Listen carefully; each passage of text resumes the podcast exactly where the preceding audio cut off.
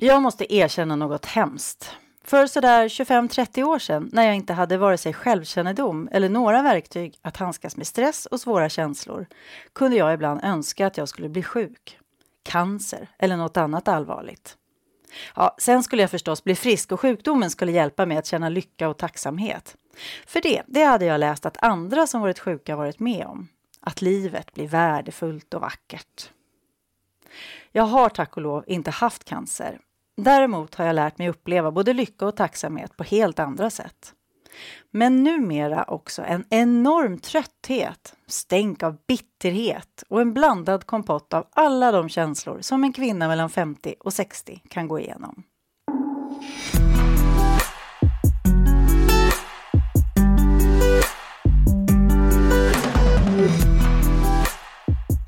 Jag heter Maria-Pia Gottberg och du lyssnar till Känslosmart, podden där tanken möter känslan.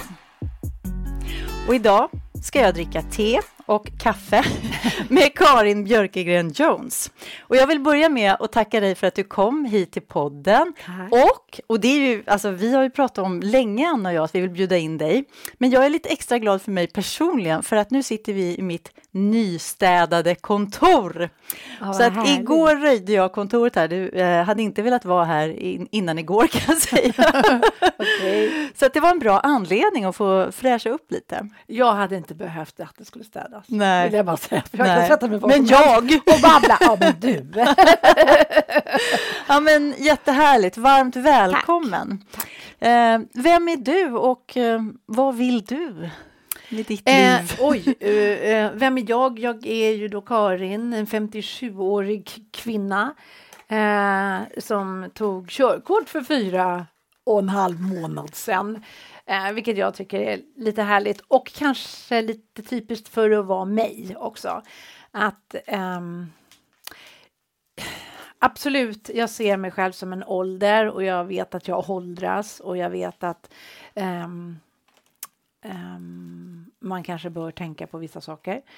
Uh, att man blir pensionär eller att man, precis som jag sa till dig innan, att jag skaffade mig en hund och så kom jag på att om den här hunden blir 14 år så kommer jag vara 70 när jag har den. Ja.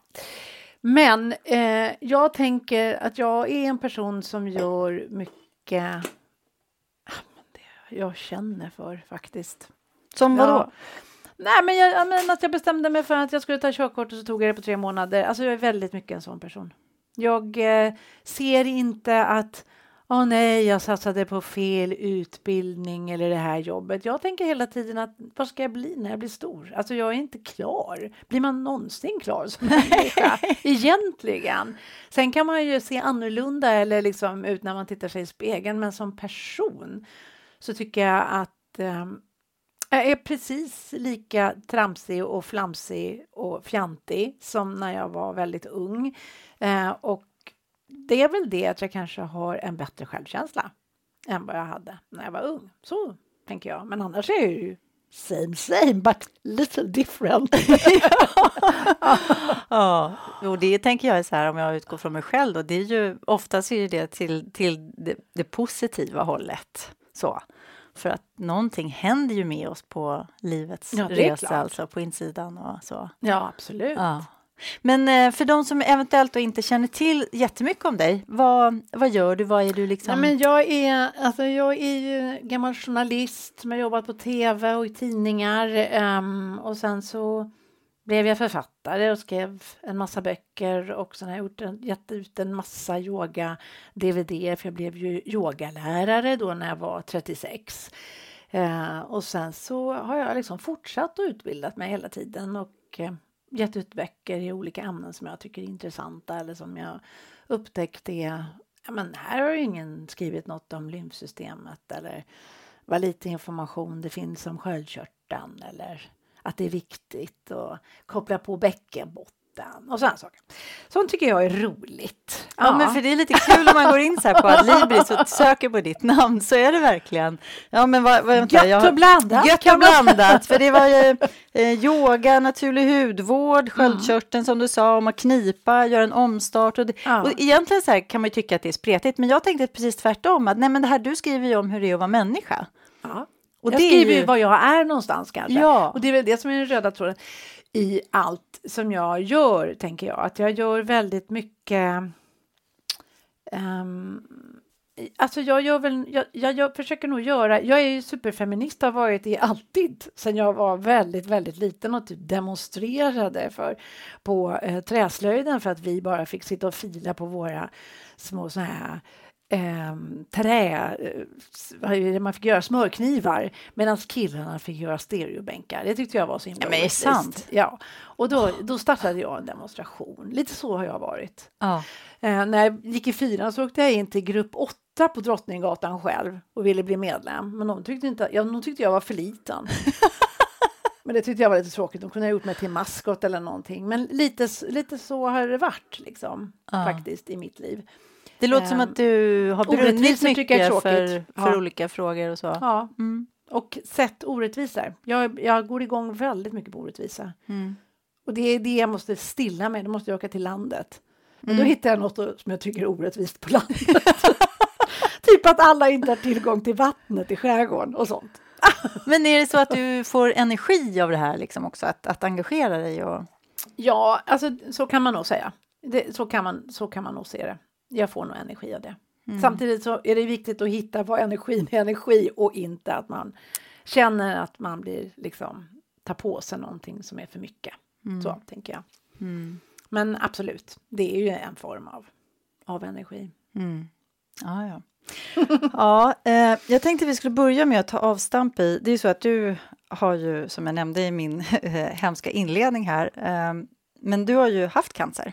Ja, och vad, vill du berätta om det och vad, vad den gjorde med dig känslomässigt? Nej, men alltså jag, jag kan förstå att man kan tänka de där tankarna, att man eh, så, åh, kan inte jag få cancer så att jag, så klarar man sig ur det, eller om man tycker, om att man tycker att livet är svårt och sådär. Men, men när man väl får cancer så är det något helt annat än den här liksom, som ju faktiskt kan bli lite, förlåt att jag säger koketterande med att man är lite Um, vad säger man när, när, man är en sån som tror hela tiden att man är sjuk? Uh, hypokondrisk. Ja, ja, någon sån. Um, för det är något helt annat. Det är liksom... När man får det beskedet så är det liksom som allting ställs på sin spets för du kan aldrig veta om du kommer överleva. Och grejen är ju den att kanske får man det tidigare i, sin, i, sin, i sin ålder så, så kanske man inte tänker de tankarna. Men är man något äldre, jag var ändå 48 och jag har förlorat många i den här sjukdomen. Eh, då börjar man förstå att den inte är någonting som man alla överlever. Att det är, no det är en orättvis, en jävla orättvisa mm. att faktiskt många inte gör det. Eh, och det som händer är också att man brottas med en massa känslor och kommer jag vara den som överlever? Samtidigt så kan man ju också känna en sorts skuld då, då för att man överlevde för att då, någon man tyckte om inte överlevde och sådär. Så det finns ju många, många känslor i det där och som man inte heller tar med eh, folk. Och jag kan nog säga att det har nog tagit så pass lång tid. Det var 2012 och jag var under behandling till 2013 det har nog ändå tagit så här pass lång tid innan jag på riktigt har gjort mig av med det traumat. Så jag tror att det tar längre tid för de flesta faktiskt. Eh, man kan säga nej men jag mår bra eller man kan liksom försöka skydda sig från det och sådär men man tänker på det länge. Man tänker, är jag den som kommer att få tillbaka det? Um, ja, massa olika. Man, det, mm. det finns som ett sådär, men, men man tar inte det med människor för att människor runt omkring är inte redo för det. Alltså, vi pratar inte om de tunga och svåra sakerna i, i Sverige. Jag vet inte om man gör det någon annanstans i världen heller, men, men vi är väldigt eh, ganska ytliga när det kommer till på riktigt sånt. Eh, sen kan man ju göra det med sina vänner och sådär, men alltså när det liksom kommer till det stora. Sen folk frågade hur mår du? När, när jag var liksom under behandling och folk frågade hur jag mådde så var jag verkligen tvungen att parera. Vad är det här för människa som jag ska prata med här? Så oftast har man ju bra för att de flesta människor tål ju inte. Om man säger så här, nej, det är inte så bra. Men hur kunde du märka då att människor reagerade om du var lite mer öppen och inte allt ja, men var då bra? kunde utan... de ju säga sådana här saker som du måste vara positiv. Alltså folk som inte Ja. ens varit med om det kunde ha väldigt mycket livsråd och det är väl det som är lite mer tröttsamt. Ja. Att folk eh, liksom slänger ur sig den här typen av livsråd som de inte egentligen har heller belägg för. Nej. Men vad handlar det om? Var, varför, varför gör vi människor så? För att det, jag tror att man kommer åt något hos människor när man är sjuk. Alltså det, folk blir rädda. Mm. Att det ska hända dem. Kan det hända henne? Kan det hända mig? Mm. Alltså det finns något sånt och det är det jag tänker så att om vi pratade mer om det så kanske inte den här det här avståndet som blir mellan frisk och sjuk så himla stort. Mm. Jag vet inte, jag har inte riktigt tänkt den tanken klart. Nej, jag, vet- jag har tänkt Men på det- det ganska mycket nyligen. För att min, I våras så gick min moster bort i- Mm. i en cancer, en svår Ja. cancer som hon har haft i två år. Och hon bodde nere i Spanien och, och min mamma bodde hos henne en, en tid så att jag och min syster åkte ner i våras för att hjälpa dem hem helt enkelt. När hon Mm. insåg att det här, jag kommer inte överleva. Och det var ett jättestort steg för henne och när vi kommer ner dit första kvällen då eh, sitter jag vid hennes säng liksom, och, så, och så säger hon att jag, jag, jag är glad om, om jag hinner komma hem, säger hon. Mm. Eh, och då vet jag att jag sa att, att ja, och hon var helt säker då på att jag, jag kommer inte överleva det här. Och då, det enda jag gjorde var att jag liksom, ja, du, du är säker på det? Är, är det så du tänker? Alltså jag liksom vara med henne, Mm. för att jag, då hade jag bestämt mig innan. Inte komma nu och säga att men det blir nog bra, ska du se. Alltså jag Mm. verkligen sådär, för jag tänker att det är ändå lätt, lätt hänt att Mm. jag sitter lite i ryggmärgen för man har hört det så mycket Mm. själv och, Mm. och, och kanske själv sagt det eller så.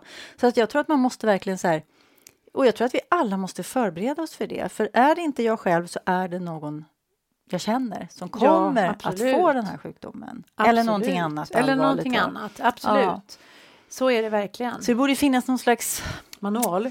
manual, ja, och Ja, att man jo. får liksom lite livskunskap för vuxna någonstans. Mm. Eh, Ja, Anna och jag, det är ju vår ambition med podden här att vi ska prata om det som, som faktiskt är under ytan. Det är Mm. jättetjo och trevligt att prata om, om ytan också. Men, Absolut. men vi kan inte stanna där. Ja, exakt, exakt. Ja, man kan hitta sin nisch. Nej, men absolut. Ehm, det, ja, alltså, när jag blev sjuk så blev jag verkligen varse hur, det, hur, det liksom, hur folk reagerar på så olika sätt. Jag fick folk som jag typ har gått i skolan med hörde av sig och sa så åh, jag tror att jag har hittat en knöl i bröstet, vad ska jag göra? Jag skulle alltså trösta dem som Ja. var ju mitt under behandling. Eh, mycket sånt. Det är olika sådana varianter som var, som man var väldigt så här, det är väldigt konstigt att folk liksom tror att, eh, eller lägger det på en annan människa. Alltså, Mm. det kanske inte jag skulle höra. Det Nej. kan någon ha gått till doktorn med eller något. Mm, tänker ja, man det kan man tycka. Nej men lite sådana så. Och det, det sånt där kan jag tycka är lite så svårt och det är väl det att vi eh, Jag var ju öppen med eh, min resa och ehm, på gott och på ont. Eh, och det var ju också för att jag hade ju en yogastudio i Båstad som eh, jag fick mitt besked på torsdagen och på måndagen skulle alla kurser börja för sommaren. Eh, så jag kunde liksom inte, jag kan inte liksom ringa upp till alla som skulle gå kursen och bara säga hej jag har fått cancer, jag vet inte om jag kan ta den där klassen på Mm. måndag. Jag visste ju inte, jag var ju liksom inte, visste inte hur någonting skulle se ut. Eh, så då tänkte jag, nej men jag får skriva ett blogginlägg. Liksom. Och det gjorde jag och det blogginlägget spred sig och det blev sen också mitt sätt att ehm, tala om var jag stod, eh, hur min dag var, var jag var under behandling och allting sånt. Så att jag slapp hålla på att tala om det varenda gång någon ringde till mig. Alltså för det blev ju så att då ska man tala om det för sin mamma, för sin pappa, för, sin, för sina syskon, för sitt barn, för sin, alltså sin man, sina kompisar och allting ska man hela tiden då uppdatera folk var man var och vad man hade fått det senaste från liksom från sjukhuset. Så på det sättet tyckte jag det var bra. Att då kunde jag, ja, men då när jag pratade med någon så kunde man ju prata lite lätt så här, ja men så här och så här är det nu bara. Jag mår, jag är glad eller jag är ledsen eller vad det nu är. Eh, och sen så kunde man liksom koncentrera sig på det som man vill prata om. Man vill ju prata med sin kompis till exempel, vad den står i livet, vad den pysslar med. Man vill ju Mm. liksom alltså man vill ju inte bara prata om cancer bara för att man var, är under behandling. Men man vill få utrymme att få prata om det om man behöver. Just det. Ja, Mm. det är väl det som var liksom... Och sen tänker jag också, jag menar som journalist och så och skriver böcker, du är ju en skrivande person. Jag tänker också att det är också ett sätt att misstänker jag, att, att, att blogga, att skriva är ju Ja. också ett sätt att kanalisera för sin egen del. För det tänker jag Ja, många fast som journalist berättar du någon annans historia. Jo, nu berättar men- jag ju min egen. det, det blev ju lite Ja. annorlunda. Jo, det är Ja, klart. Men ja. ändå att vara en skrivande person, att, det, att, att uttrycka sig i skrift är ju en kanal på något vis. Det finns ju ett, eh, ett utforskande och ett lärande och ett växande i det, tycker jag. Så, alltså, även om man skriver väldigt olika genrer så är man ju den som skriver ändå. Är ju Absolut. med i det. Absolut, och det kan jag ju känna att jag eh, släppte på jättemycket. Um, faktiskt. Jag fullständigt sket i om det var grammatiskt rätt eller hur det var, utan um, jag bara skrev. Eh, och så här i efterhand så har jag fått jättemycket så från folk att, att det berör. Och jag tror att det var också ett, att det var ett sätt på något sätt att också hitta min röst. Jag tror att jag har hittat min röst, hur jag skriver. Eh, sen kanske inte det tilltalar alla, men, men alltså för mig så har det varit ett sätt att skriva. Att jag kan inte... Nej, nej. Ja, det, det här bloggandet och den där tiden gjorde att det öppnade någonting som också var lite härligt, för den var ja, nu gör jag som jag vill. Det här är mitt, det här är jag, ni får ta det eller inte. Jag Mm. bryr mig inte egentligen. Så tror jag det, Jag tror att det blev en liten sån. Eh, jag släppte helt på inte ska jag. Kunde du ha skrivit på det viset om du inte hade varit sjuk? Alltså, Det vet eller var jag det inte. något nytt? Det kan inte jag du hade svara inte på, för bloggat jag- innan. Nej, jo, jag hade bloggat, men jag hade inte bloggat på det sättet, tror jag. Eh, och att jag... eh, nej, men sen, ja... Det är väl så att jag hämtar saker från mig själv och mitt liv. Liksom, så här, ja, men, ja, någonting händer och så, ja, men nu skriver jag väl en bok om det. Alltså, lite så har det varit. Liksom. Mm. Mm. Mm. Hur var det med själva behandlingen och vården då? Fick du något stöd där rent emotionellt? Jag förstår att du fick en massa fysiskt, men rent emotionellt, vad fanns det att hämta? Nej, alltså jag gick, jag gick där hos någon kurator som var gullig eh, på, på bröstmottagningen, eh, bröst och sarkom, eller vad det var någonstans jag gick, gick hos henne. Eh, men annars så tycker jag nog att det var ganska ringa liksom. Ehm, och man får ju typ allting när man är under behandling. Men sen när du är utanför behandling, det är ju då du, det är också då det händer i dig. För att under behandling så är du liksom i vårdens händer, du, du gör det de säger man ska göra. Ehm, det är liksom som en plan, det är nästan som att man betar av dag för dag, men man, man håller sig bara där, man gör det som ska. Eh, och familjen är liksom orolig såklart. Sen så när man då är utanför behandling och ute, ute på banan igen så då, är ju, då tänker ju familjen eller alla runt omkring att nu är det över, åh hon överlevde och allting är klart. Det är då tankarna kommer. Det är då man bara säger, gud vad är det jag har varit med om? Det är liksom nio månaders Ja, nio månader jag ska försöka få tillbaka liksom respekten och känslan för min egen kropp som har varit i liksom vårdens händer och folk har tagit i mig och jag har ärr över hela kroppen och, och plus alla känslor. Och, alltså det är ju ett jätte, en jättegrej. Det Så tar där skulle det ju verkligen behövas en insats, tänker jag. Professionellt Och- stöd. Ja, men För det, kan jag tänka mig att vi det alla inte. skulle Nej. behöva. Nej. Nej, alltså jag tänker att jag, jag vaknar upp på eh, efter att de har tagit mitt bröst och 17 lymfnoder och då kommer det en lymfterapeut och talar om att jag måste göra lite övningar för att jag inte ska få lymfödem. Dagen efter man har tagit bort sitt bröst. Det är inte så att det direkt fastnade i mitt. Nej. Alltså det är mycket sådana saker som jag liksom, ja, som man så här kommer på så här efterhand liksom, eller att att den där kirurgen, jag rullas in och ser faktiskt ut som en manet.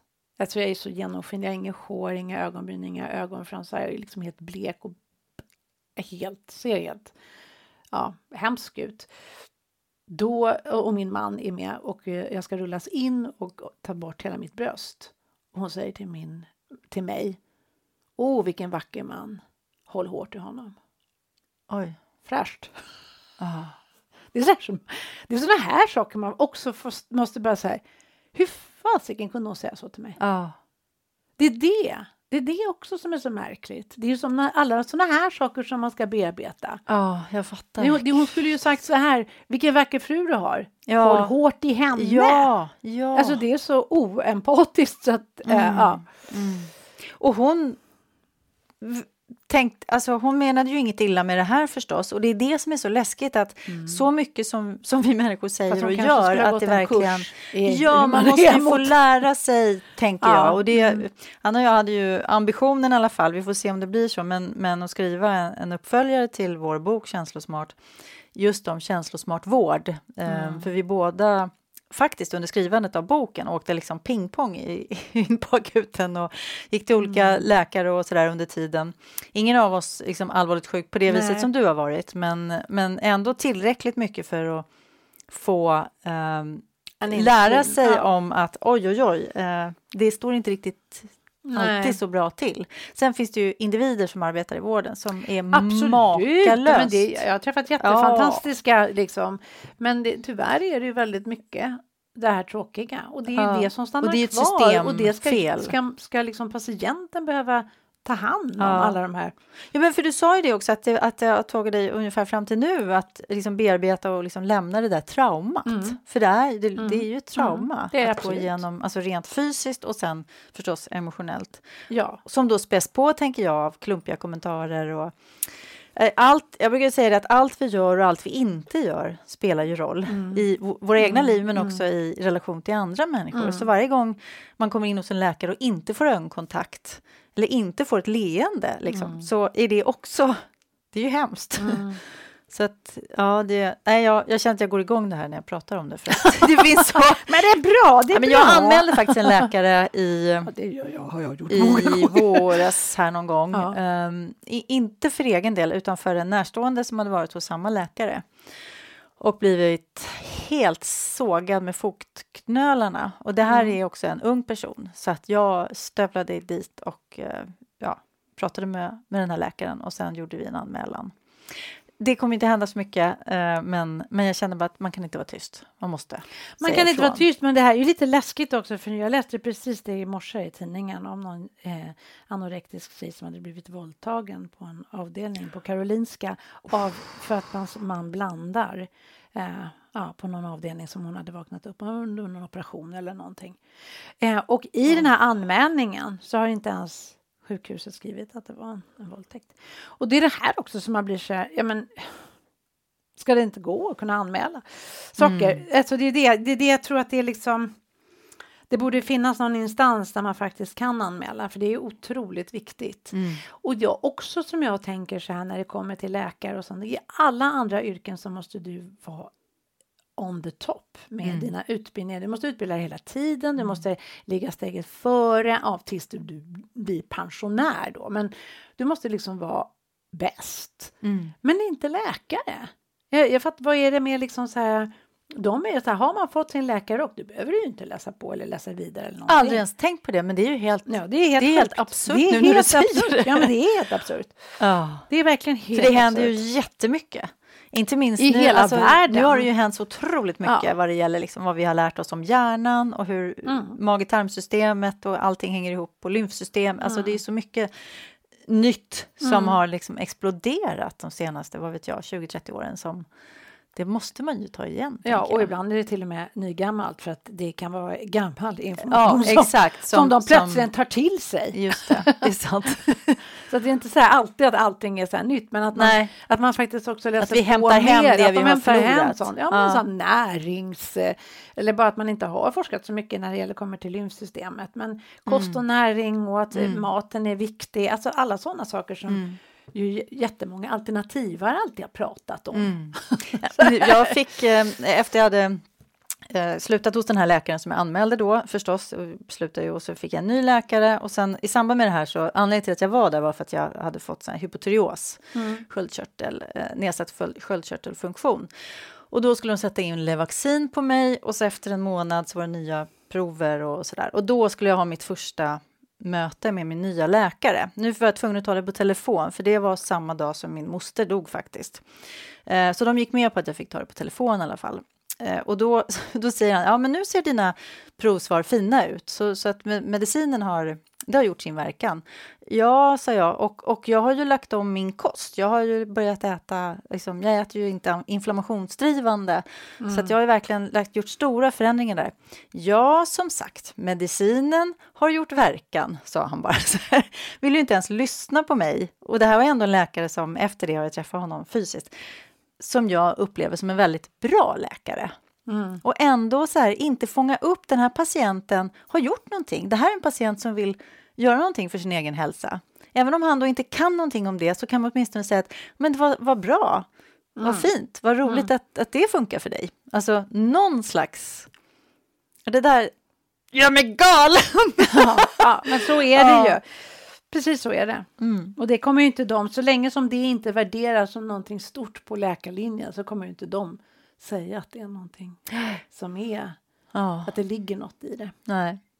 Och vem skulle bekosta den liksom, undersökningen? Just det. Just det. Det, är ju det. det, är alltså, det. Man måste, det måste man också tänka på, för att alla håller på, ja. har du något vetenskapligt bevisat på det här? Har du något, alltså så.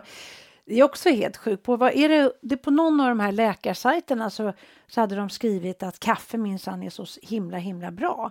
Medan eh, en annan person hade skrivit att kaffe kanske inte är så bra och men som då inte har en läkarrock, då Jenny läkarrock eller en sån medicinsk utbildning och lagt upp alla studier som visade på att liksom, kaffe minsann inte är så bra. Men då på den här Läkarsidan hade de inte lagt upp ett enda belägg på.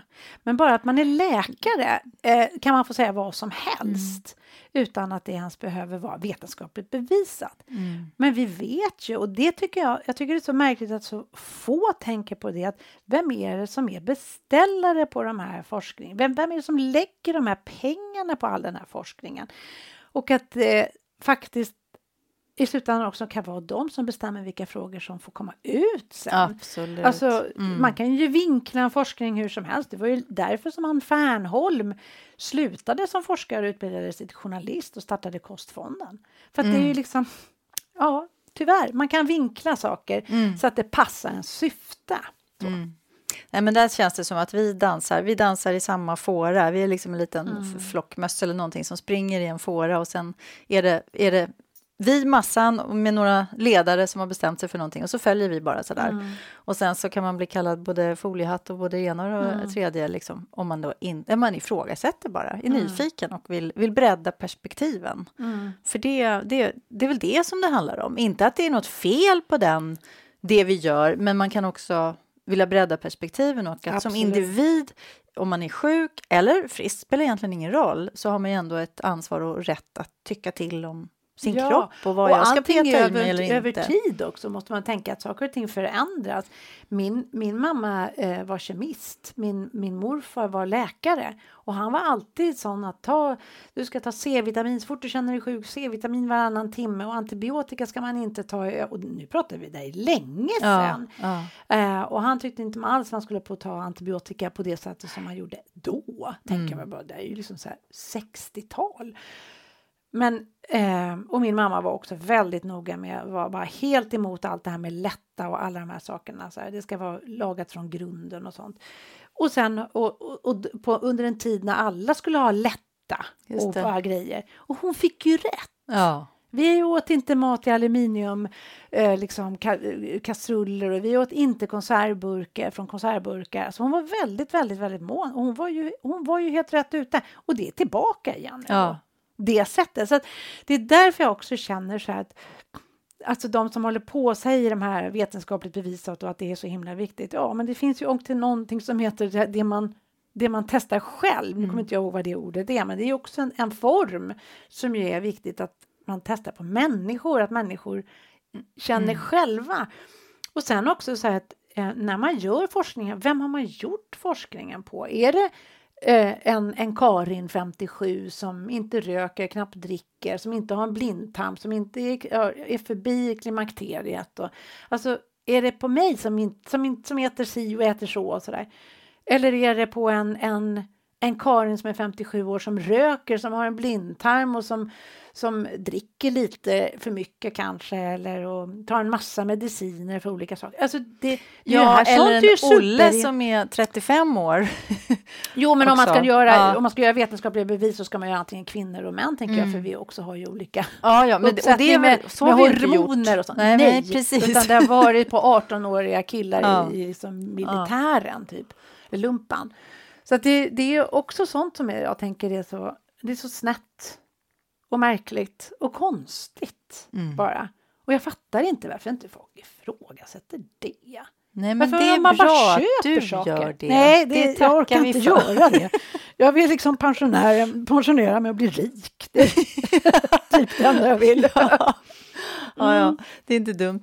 Men eh, jag tänkte vi skulle knyta upp säcken här med din sjukdom och det. Vad, vad var det som har varit liksom mest gynnsamt för dig att återhämta dig då och bli av med det här traumat?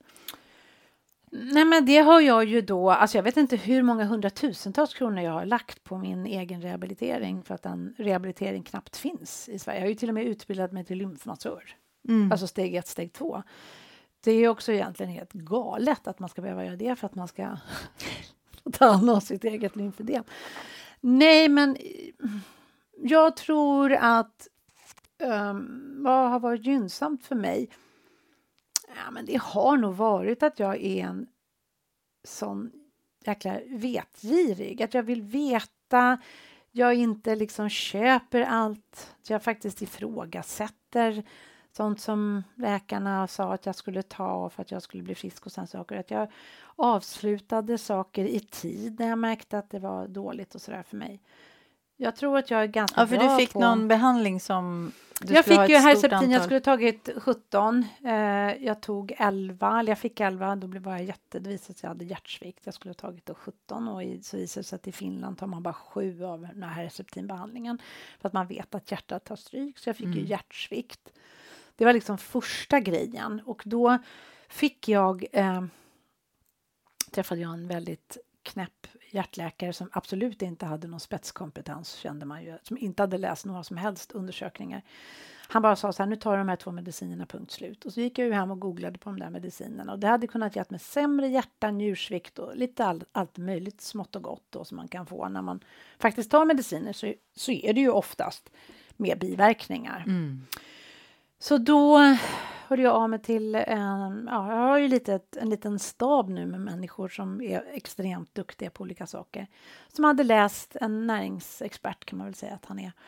Han hade, eh, Patrik Wahlberg som driver Great Life, eh, han hade ju läst studien på engelska om att eh, Q10, som är ett koenzym, en- ett kosttillskott, kan läka, en terapeutisk dos kan läka hjärtsvikt.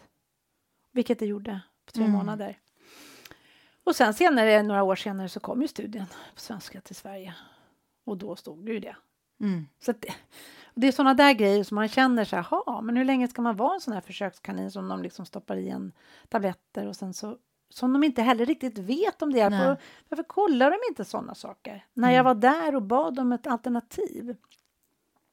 Så sånt tänker jag mycket på. Och eh, sen då har jag förstått att det också var väldigt kontroversiellt att jag inte tog antihormonerna som jag skulle ha tagit i fem år. Vad, vad hände om man antihormoner? Berätta. Alltså jag, jag, jag kom ju in då, alltså jag chockades ju in i klimakteriet av cellgifterna så att jag kan väl säga att jag avverkade typ tio år på eh, tre månader eller vad det är som man tar cellgifter. Eh, så att jag hade ju min sista mens eh, i augusti 2012 Ehm, och har inte haft sedan dess. Så då ska man efter när man har gjort hela den här behandlingen med liksom strålning och operation och sånt där, då ska man ta antihormoner och då finns det det kanske finns fler nu, men då fanns det väl typ två. Antingen var det en, var man i klimakteriet eller så var man inte i klimakteriet och så fick man ta. Och det ska ta bort det där lilla extra östrogenet då som kroppen producerar. Men då kände jag eh, att fasiken, och sen så lät jag ju då på såklart de biverkningarna som var, tog jag det ena så eh, kunde jag få artros och ingen sexlust och tog jag det andra så var det typ blodpropp eller jag kommer inte ihåg vad det mm. var och, och ingen sexlust. Och kände att det handlar väl inte så mycket om penetrering då när det kommer till sex, att det är det, men även om det också är härligt, men, men att man i liksom det här med den här sexlusten så ligger också någonting livslust. Det är någonting som är liksom mer. Det är, som det är skapandet, det är bara den här känslan hur man tar sig an saker, att man vill ta stora tuggor i li av livet, att man liksom nu är det någon som ringer till dig. Ja, men oj, den är ju avstängd. Den ska inte låta. Jag har gjort fel. Förlåt. Fara. Nej, men att antingen så är det liksom att det är så märkligt att det är... Ja, men för mig kändes det så här, det här vill inte jag... Jag har liksom gått igenom den här liksom behandlingen och jag känner att det ska alltså ta bort östrogenet och så kan man få en massa biverkningar med de där. Och, eh, och sen kan de inte heller riktigt hundra förklara vem som den, de hjälper. De här, de, alltså, mm. de, vi, vi, vet inte exakt vem. Och då tänker jag också att det är också väldigt konstigt. Varför har de inte liksom forskat fram mm. vilka som blir behjälpta av det här så att det är så många kvinnor som tar det liksom kanske i onödan. Och det är så många och jag får så mycket mejl och meddelande av kvinnor som, som tar dem och mår så jävla dåligt. Mm. Och jag kan ju inte säga så här, jag eh, gör det, nu ska du sluta äta det där, för det skulle jag aldrig säga till någon, för det måste ju var och en ta liksom på sitt eget. Det, var, det är ett jättesvårt beslut att ta, för jag kunde inte veta om det var rätt. Men jag tänkte som så att eftersom att jag redan är i klimakteriet, då har ju redan mina östrogennivåer gått ner så mycket. Så de kan inte vara så höga så att de kan spela något spratt. Och så får jag tänka att jag får väl vara försiktig med sånt som är liksom eh, kan skapa det här negativa östrogenet. Det är ju det vi måste prata om, att det är inte det är inte så östrogen i sig som är Nej. det negativa, utan att det, det är östrogen som faktiskt kan ge, alltså, kan ge cancer, som vi kan få via liksom, för mycket plast och sådana saker. Mm. Eller, um, ja, ja, men grejer som man kan få i sig som, som är hormonstörande. Just det. Så, mm. så det, sånt kan man ju tänka på. Mm. Ja, nej men alltså... Uh. Jag tänker på människor i min omgivning som faktiskt har eh, cancer. Jag, jag ska verkligen tipsa dem om att lyssna på det här, för det, jag tror att det är oerhört viktigt. Och också så tufft förstås när man är sjuk att vara ifrågasättande, att orka läsa mm. på, att orka... Men att uh, man kan ju be någon annan göra det åt en, tänker jag, om man inte orkar själv eller så. Ja, nej men jag, hade, jag tog med mig mina väninnor eh, när jag skulle få mitt första eh, när jag skulle prata med, med läkaren första gången, och, eller läkaren, och då satt de ju uppradade, liksom onkolog, eh, kirurg och en sköterska. Mm. Eh, och då kan man inte riktigt ta in allting heller. Men, och jag hade inte det är därför jag säger att jag vill bli rik, för att jag hade inte de pengarna. Men om jag hade haft pengar hade jag kanske gjort på ett annat sätt. Men nu är jag ju liksom tvungen att ta den vård som erbjuds.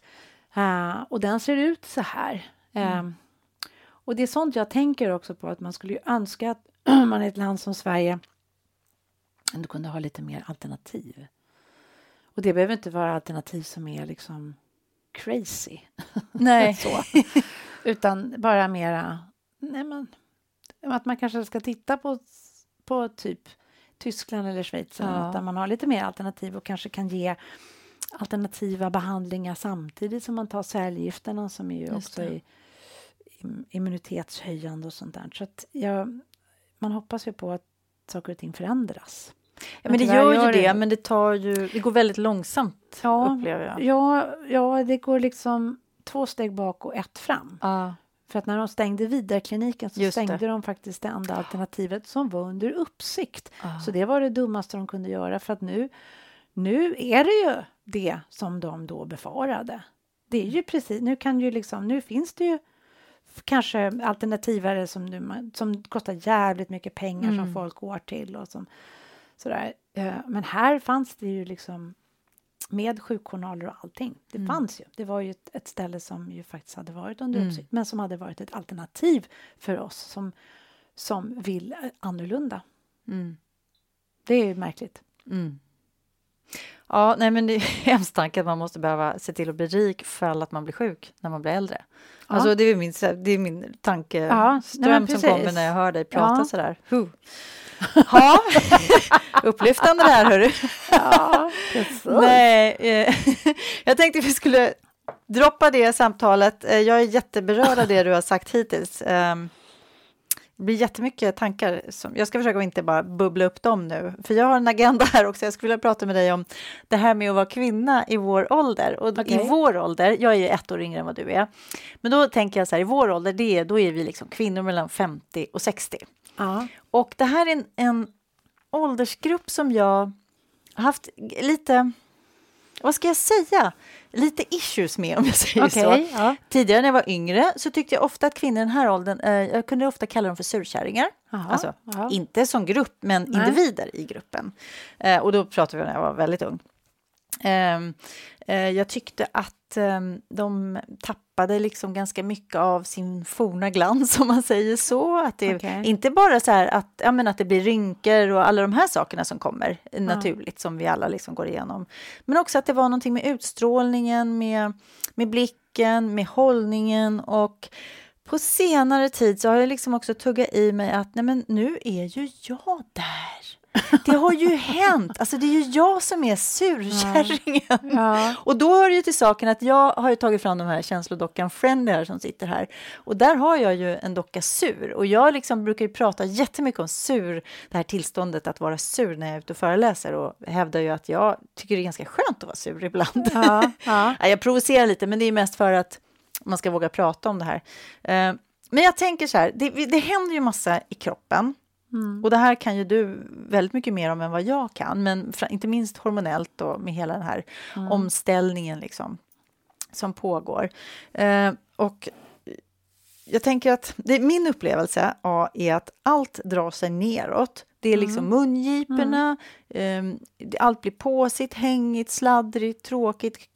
Kropp, alltså jag, känner, jag kan nästan känna ibland att det är som att någonting sitter på huvudet eller på axlarna och drar mig neråt. Mm. Och det har varit så utmanande att gå igenom. Och jag är fortfarande mitt i det. Um, och nu måste, förut var jag så här Yes, det är måndag, det är en ny vecka, det är en ny dag, det är en ny timme, det är en ny möjlighet, det är en ny människa, det är nytt väder. Alltså allt var ja. nytt, allt var spännande, jag hade så mycket energi. Uh, och nu måste jag liksom intala mig varje dag att jo, men du kommer att orka, du får snart gå och lägga dig igen. jag tycker du ska gå i terapi. det gör jag! Nej, men alltså, ja. till saken, alltså jag har dels den här sköldkörtelsjukdomen. Mm. Eh, sen har jag nyligen fått diagnos på en tarmsjukdom också som inte är allvarlig, men som också gör en väldigt trött. Och sen är, har jag utmattningssyndrom, så att jag har lite, mm. alltså lite, jag har tuffa sjukdomar också.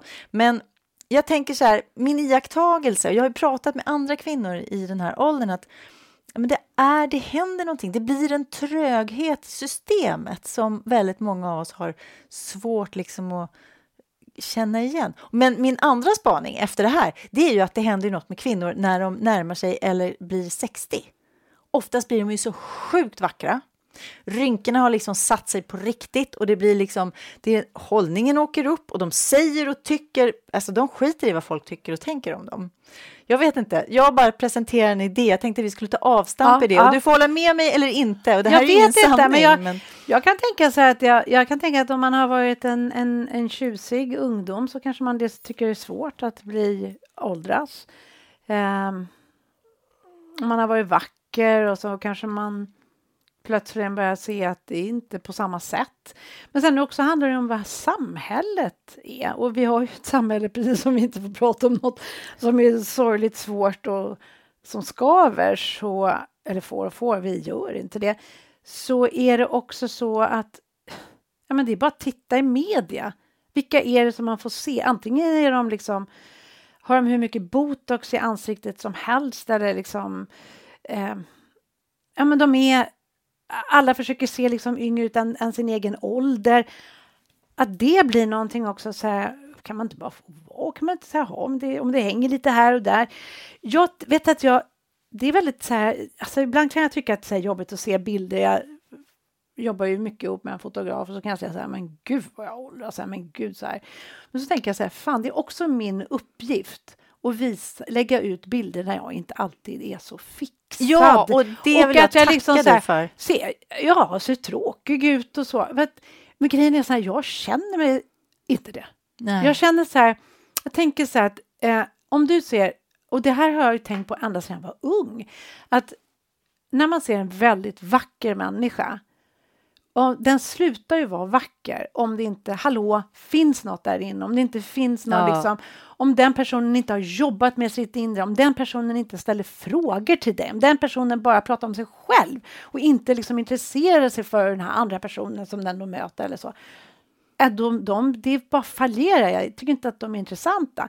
Det gäller ju hela livet. Ja, och det är samma Nej, omvänt men människor också med... syns ju när de är i sig själva Ja. och det spelar ingen roll hur de ser ut. Nej, och jag tycker Faktiskt. också att det är omvänt när, när man träffar någon som då inte tillhör det som man skulle kalla för vacker, utan kanske tvärtom, alltså ful, om man får säga så med människa. Det får man inte, men nu sa tycker jag inte det. jag att man, det finns inga fula Nej, människor. nej, men jag säger det, för, Ja. det är ändå ett begrepp som används alltså så i... i, i vi för att du har de ju... glasögonen. Du måste bli av med de Ja, glasögonen. nej, du får gå på jag- kurs hos jag- mig. jag- jag ja. kanske ska bli terapeut. Ja, jättebra, jag anmäler mig. Nej, men alltså när jag var yngre, så då delade jag in världen i vackra och fula. Eh, absolut. Varför gjorde du det, Ja, men jag då? just därför att jag var liksom en produkt av vår tid. Liksom, jag var helt besatt av. Jag hade ätstörningar under 15 Mm. års tid och var så här, åh, vackra tjejer. Liksom, det, var liksom, det, var, det var ju en dröm att få vara vacker liksom, och smal Mm. och allt det här. Men det, det jag skulle komma till var att en människa då som jag per automatik inte upplever som vacker, så där, eh, blir ju det när man lär känna den här människan. Mm. Så jag glömmer aldrig när jag träffar min man, och det här vet ju han om, liksom. men när han Eh, första gången jag träffade honom, han kom in i rummet, då bodde jag i ett kollektivhus. Eh, och jag var så här, jag längtade efter att få träffa någon. Liksom. Mm. Eh, och då när han kommer in på första träffen, där, så här, ja, stormötet där, och jag skulle säga att här kommer den här nya killen som ska flytta in här då. Eh, så min första tanke var, åh, kan jag aldrig flytta in några snygga karlar i det här huset? och sen så, ja, så gick det som det gick. Och sen dröjde det inte länge för jag tyckte han var skitsnygg. Exakt. så att, jag menar, Ja. det, det spelar in- alltså det här med, det som du säger, det måste finnas något på insidan. Sen kan Ja. du ha perfekta drag och allt det här, men det är inte det som är, det är, inte det som är att vara vacker, utan det Nej. är den här glöden, engagemanget och... Ja, och jag, jag, alltså jag ska inte säga att min, min barndom var så fantastisk och mina föräldrar var absolut inte så jäkla bra. Men någonting som de gjorde som jag har förstått så här som jag förstått, det var att min mamma sa ju aldrig till mig och min syster att vi var söta eller fina eller något, för att hon ville inte att vi skulle tro det. Att hon hade nämligen en väldigt vacker syster som på grund av hennes skönhet inte gick så bra för. Hon slutade plugga, hon gifte sig med en rik man i USA och sådär. Och sen gick det inte så bra. Sen blev det bra på slutet. Men, men eh, det var en sån jobbig historia. Och min pappa har aldrig varit så här... Eh, jag vet inte. Man, man har märkt att han har alltid gillat liksom starka tjejer och tycker tjejer är härliga och så här. På, på det sättet, inte överhuvudtaget sexistisk utan snarare liksom åt andra hållet. Och, och, det, och min mamma har aldrig bantat, hon var snarare lite tjock. Eh, och vi har ätit alltid så här rejäl mat och sånt där. Så jag har aldrig haft någon matstörning, aldrig liksom matissues överhuvudtaget. Och så här efterhand så har jag fattat att fasiken, på ett sätt kanske det var bra. Mm. Även om jag kanske så här, tänk om, vad hade hänt om hon hade sagt att jag var söt? För att jag har aldrig tyckt att det, när någon säger det till mig har jag snarare tyckt att det var jobbigt. Ja, Särskilt okej. killar. Eh, för jag har aldrig velat... Eh, Eh, jag, jag tyckte att det har varit ett, en jobbig grej. Eh, faktiskt. Eh, men... Och, och det tog det säkert liksom lite tid att komma över och så att det är liksom, ja, ja, men jag är en söt tjej. Jag är yppig, eller jag var yppig, nu är jag ju bara enbröstad. Och sen så hur man lever sig in i det sen i efterhand när man blir äldre. Liksom. För att om jag hade hört det hela tiden hade det kanske varit en jobbig grej när man blir äldre. Men nu, nu tycker jag det är så här, ja men jag blir äldre, plötsligt blir man lite mer lyssnad på, man får liksom Eh, och jag tycker det är superhärligt att umgås med unga. För att, ja, man tycker att det är liksom härligt att höra hur de har det och liksom pusha dem, att de inte ska liksom slå ner på sig själva eller tro... Alltså, Mm. och jag tänker att det bästa mot det där är ju att inte hålla på och bara hänga med folk i sin egen ålder. Nej, För då men visst. fastnar man kanske i Ja. det där och blir det här... Ja, men särskilt om man hänger med människor då som, om man nu åker ner så här, som jag känner att jag har gjort en tid i det här, ja men lite tunga träsket liksom. Och sen så om jag då bara skulle umgås med andra som var på samma plats, då håller man väl mest på att bekräfta varandra. ja. Men där har, jag, alltså där har jag ju vänner som, nej vi, vi, man får vara i skiten om man är i skiten, men vi Absolut. hjälper och stöttar varandra uppåt. Och är jag nere i skiten, då, då får jag hjälp upp av det gänget. Och nästa gång är det någon annan när vi ses, vi träffas Ja. regelbundet sådär. Eh, och det är ju så himla viktigt, tänker jag. Mm. Eh, och det, det, alltså vänner där och att, att få en annan blick på sig själv än den som man kanske fastnar i. Mm. Men du känner inte alls igen dig i det här med att det kan, att liksom allt, att det här att det är som något, sitter något tungt över? Nej, absolut, det hänger. Men vad, vad ska man göra? Alltså man åldras ju. Nej, men jag tänker Då inte på tänker det. jag så- Jag tänker inte på, ja, nej, men jag tänker inte på liksom rynkor och att det hänger och, och blir sladdrigt allt det här som händer. Utan mer den här eh, segheten. Nu fick ju ditt, ditt klimakterie fick ju som du sa där en, en jag är en raket. piggelin. Jag vaknar, går ju upp kvart i fem på morgnarna. Mm. Jag är pigg. Ja, Jag, jag är, alltså, sen blir jag skittrött på, på kvällen. ja. Och ja, men sån är jag ju Alltså, också. så funkar jag. Nej, jag tycker nog inte att jag är såsigare. Men jag, alltså, jag är ju inte en sån här som är ute och springer och tycker det är kul. Alltså jag skulle inte jogga. Alltså där känner jag mig nog för seg för. Men nej, nej, jag, nej. Jag tror inte att jag Nej. känner inte riktigt så.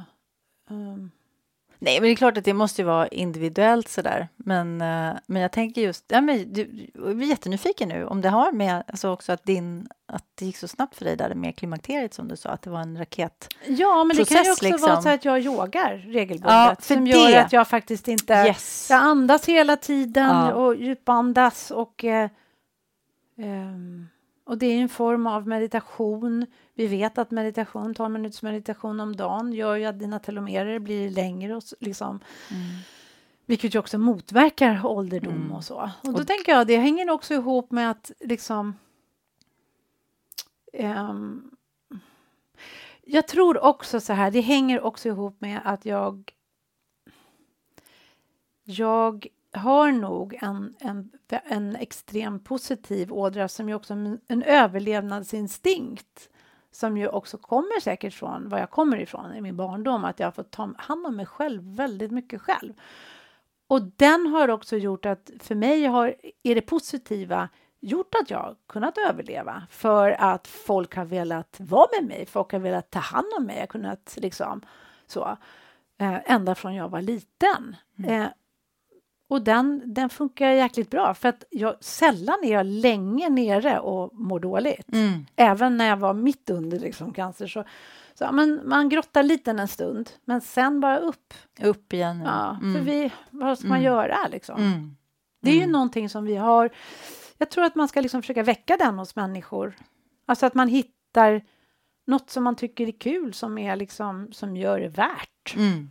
Något Nej, men och där tänker jag just kopplingen till yoga där, för att din, Mm. den här boken heter den Yoga för kvinnor, den kom för Den- ganska länge sedan. ja, den, den var det den första första? va? första yogaboken, Ja, ja. Den är så fin. Mm. Den har hjälpt mig jättemycket. Mm. Och just, jag gillade verkligen att det då är det liksom yoga för kvinnor i olika åldrar, så Mm. det är väldigt tydligt. Mm. Och jag, och jag just rekommenderar den till typ alla som har kommit i klimakteriet och även eh, under graviditet och allt det där. Just för att när jag började med yoga tju- noll- eh, tju- 2001 var det väl? Mm. Ehm, så ja, men just det här att sen när jag märkte det att när jag inte yogade under ehm, Mm. klimakteriet så då kom ju de här nattsvettningarna. Det var så Mm. mycket som hände och så var yoga ett par, tre dagar igen i rad och så var det borta. Mm. Alltså, så det är ju så effektfullt. Och din Mm. bok, tack, tack, tack, Mm. för den inspirerade verkligen mig. Ja, men den, den var... På den tiden kom det ju inte, jag kommer inte ihåg vilket år den kom ut. Det men kom ut 2008. Ja, ja Mm. så det är ett tag sedan. Mm. För att eh, det fanns ju, nu finns det ju liksom miljoner Mm. eh, yogaböcker. Mm. Och då, då var det mer så här, åh, det kommer en ny yogabok och man bara så. Ja. Ja. den är riktigt, riktigt bra tycker jag. Ja, vad kul, vad Mm. kul. Mm. Nej, men den har ju funkat, absolut. Och jag tyckte det... ehm, ja, det är 2008. Hur många år sedan är det nu då? Det är ju då... Eh, 13 år sedan. 13 år sedan. Precis, då var jag ju Ja, men jag kan inte ens räkna, det är så pinsamt för min mamma var inte bara kemist, hon var också mattelärare. det har jag verkligen inte ärvt. Nej, men alltså där jag var då så kunde jag ju känna, det tog ju ett tag, det var ju 2007 som den skrevs liksom mm. och så här. Eh, och det tog ju ett tag innan den gick igenom när jag gjorde en synopset och så, så skickade in till förlaget innan de bestämde sig för den. Men, men att eh, då tyckte jag ju att den yogaformen jag gjorde var så manlig. Eh, och jag tyckte då att det var jobbigt, för då hade jag ju fortfarande män så att man har en sån här en cykel liksom. Um, och hur man då kunde liksom få in det i sitt liv. Så egentligen var den uppbyggd som det, men också mm. att det var då från den unga till liksom, mm. Äh, från att man får sin mens till man kommer in i liksom mm. förbi mm. eh, den åldrande kvinnan. Ja, jag tyckte det var fortfarande, jag kan fortfarande tycka att den var väldigt, ja den är bra. Och också att det inte bara, det var inte bara blonda kvinnor Nej, som var... var med i den, utan det var faktiskt ett... Eh, ja, den var, den var före sin tid. Ja, men det var den ja. verkligen. Den rekommenderar vi mm. starkt. Mm. Så, ja, den kanske går att köpa fortfarande, jag vet inte. Ja. Det går säkert att ladda ner låna, som låna den av mig om man lovar att låna tillbaka den. Nej, men jag tror att yoga är jättemycket för, för ganska många saker, mm. faktiskt. Mm. Jag kan tänka mig att en, en, en människa som har varit väldigt stressad och levt, du sa att du var utbränd och så, mm så kan jag tänka mig att klimakteriet, utan att jag har gjort någon vetenskaplig studie på det, kan bli tuffare. Mm. Som det med det mesta. Mm. Alltså vi vet att stress gör mycket, det är hypotyros, oh, det är massvis oh, ja. med saker oh, ja. som um, stress inte ja. är så bra för. Jag märker nu också, jag, det låter som att jag är en sån här hypokondriker som vi pratar om, men jag har också en gammal ryggskada som jag inte visste om att det var en skada. Jag fick ont i ryggen för ett gäng år sedan och sen, ja, nu har jag gått, jag har också en sån stab med terapeuter och duktiga människor runt omkring mig. Eh, men den här, jag har haft sådana problem med ryggen senaste två åren i alla fall, att jag har inte kunnat yoga och, det, och jag har saknat den här yogan, du vet, något så in i Alltså, men nu är jag så pass stärkt via mm. styrketräning så att nu har jag börjat kunna yoga igen. Ja, och det är ju så fantastiskt. I början så blir man lite chockad över att oj, jag når ju knappt ner till fötterna.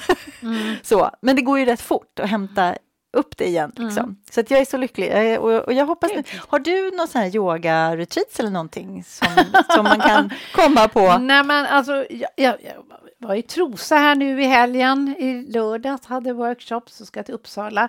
Men faktiskt åker jag till Mallorca 2 oktober och ska med um, Blossom Tainton och hennes Fab 50. Um, lite härligt, en vecka där. Och då kommer jag ha lite klasser. Men det är ju inte, det är inte mitt retreat, men jag kommer Nej. ha typ en klass och lite workshops och en föreläsning varje dag. Men då kanske vi får ordna en känslosmart yoga-retreat tillsammans. Absolut!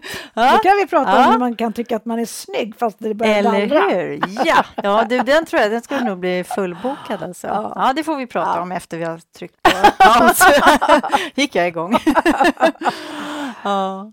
Nej, men Ja, yoga är ju verkligen ett, ett sätt att, mm. att lära sig älska sig själv och sin kropp. Mm. Mm. Och också, de här dagarna när man verkligen inte känner att jag älskar mig själv och min kropp så, så är det ändå lättare att stå, stå ut med ja, sig verkligen. själv och sin kropp. Det är verkligen. otroligt effektivt.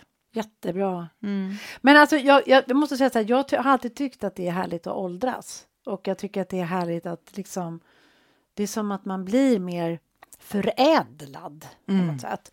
Och det som också är härligt med när man åldras är ju att man kommer på att man, man är inte så, att, att man kan ändra sig.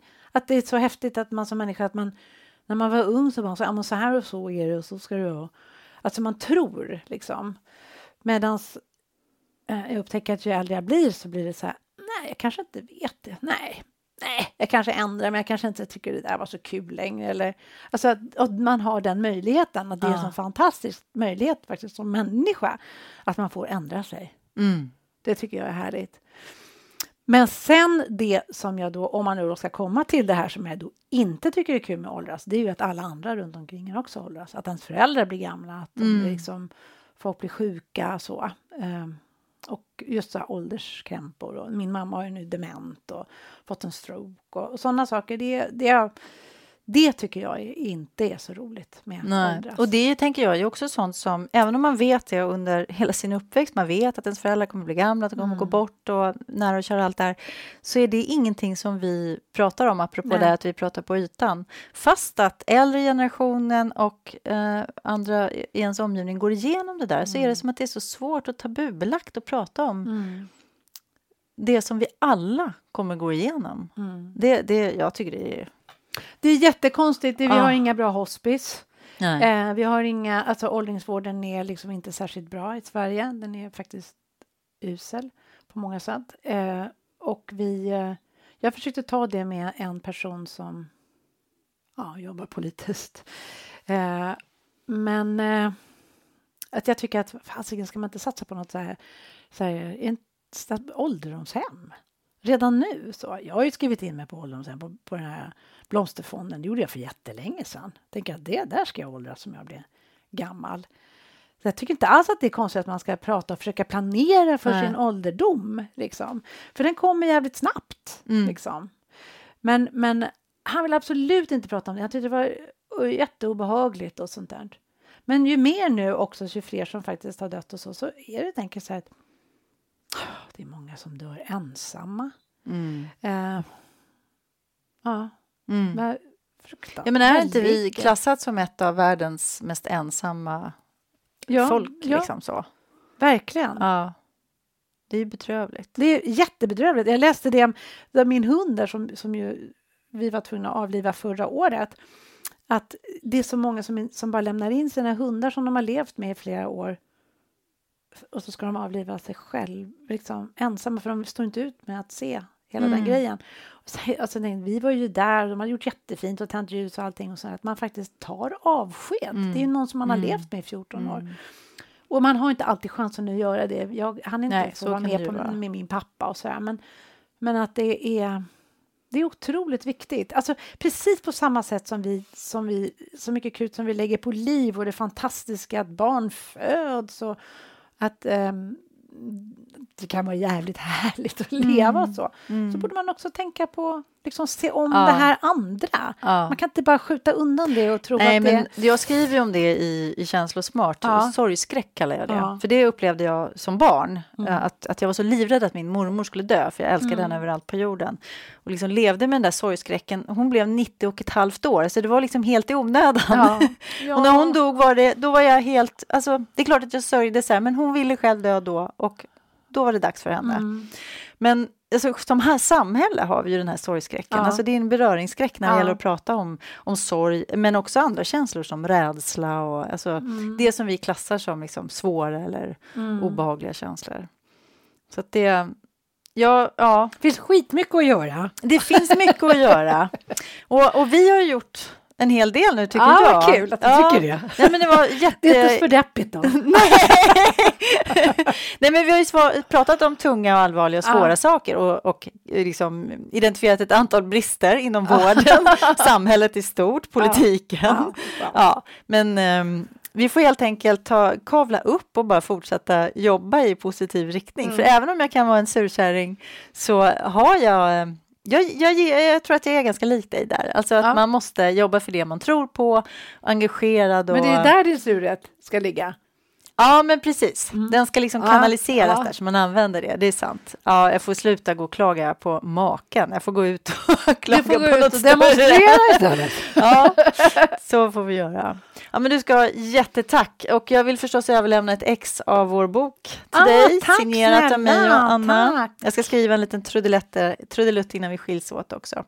Fint. Men ehm, superhärligt att ha det där. Så trycker vi av nu och så, så pratar vi om den här yogaretriten. Ja, det gör vi.